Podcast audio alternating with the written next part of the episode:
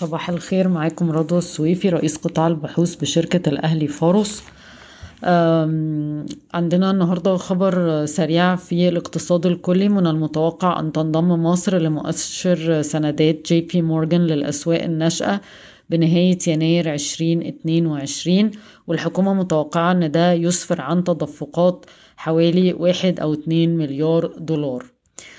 مصر تعتبر من أهم موردي الغاز الطبيعي المسال لتركيا حتى الآن في الربع الرابع حيث قامت بشحن سبع شحنات منذ بداية أكتوبر وإلى يومنا هذا.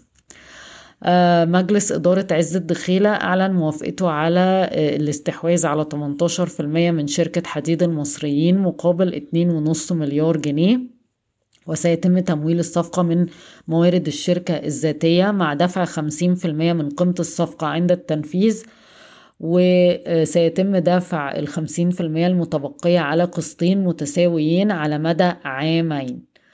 طيب إحنا بصينا على التقييم بتاع المستشار المالي المستقل والشركة حديد المصريين. عندها شركتين شركة بورسعيد للصلب وشركة اي اي سي عندها تسعة وتسعين وتسعة من عشرة من كل من الشركتين. لو إحنا جبنا المؤشرات المالية المجمعة للشركتين دول هنلاقي إن عندها earnings before interest and tax تقريبا لعام عشرين اتنين وعشرين واحد وستة من عشرة مليار جنيه EBITDA واحد وتمانية من عشرة مليار جنيه net income حوالي مليار جنيه مجمع قروض حوالي ستة مليار جنيه حقوق ملكية حوالي أربعة وستة من عشرة مليار جنيه.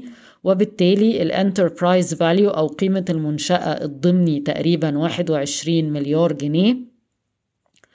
وده معناه إن الصفقة دي تمت على EV to EBITDA حوالي 11 مرة و P/E ل 22 حوالي 21 مرة.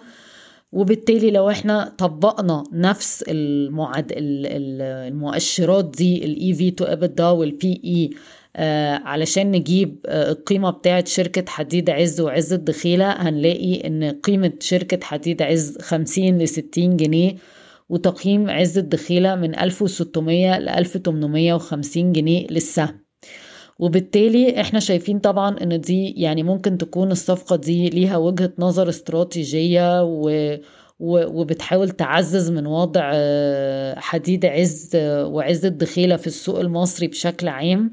وإحنا متفهمين ده كويس ولكن برضو شايفين إن التقييم بتاع الصفقة يعتبر غالي.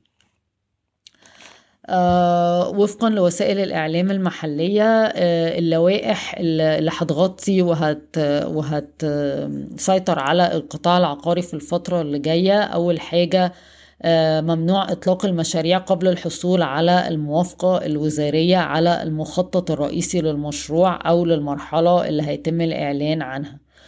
يتطلب من المطورين إيداع مبلغ نقدي في البنك مرتبط بتلك المرحلة أو بتلك المشروع بما يتماشى مع حجم المرحلة أو المشروع.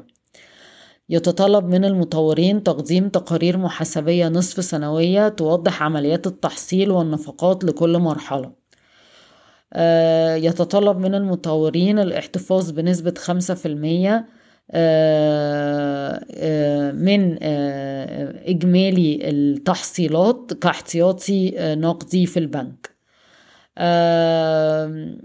ويفترض في ذلك أن في حالة تأخير تسليم الوحدة لمدة عام على الأقل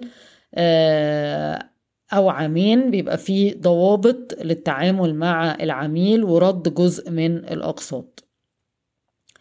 آه بدأت شركة العاصمة الإدارية الجديدة إجراءات بشكل بشك بشأن الاكتتاب العام آه في البورصة المصرية وده هياخد تقريبا عامين.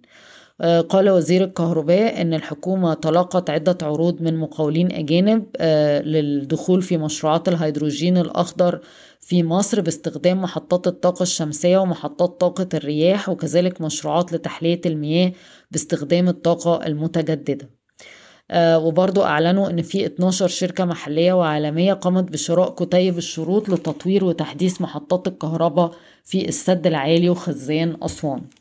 مد البنك المركزي المصري الإعفاء آه، على تنفيذ حدود تركيز المحفظة لأكبر 50 عميل حتى نهاية 2022 شركة الملتقى العربي أعلنت أنها بتبص على صفقتين استحواذ في قطاع الترفيه والصناعات الغذائية وكمان عايزة تدخل مجال ال fintech أو التكنولوجيا المالية لأن عندها حوالي 170 مليون جنيه مصري فائض سيولة.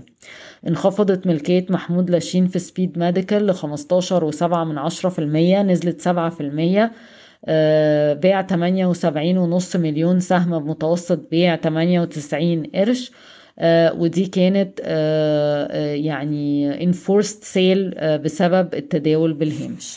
بشكركم ويوم سعيد.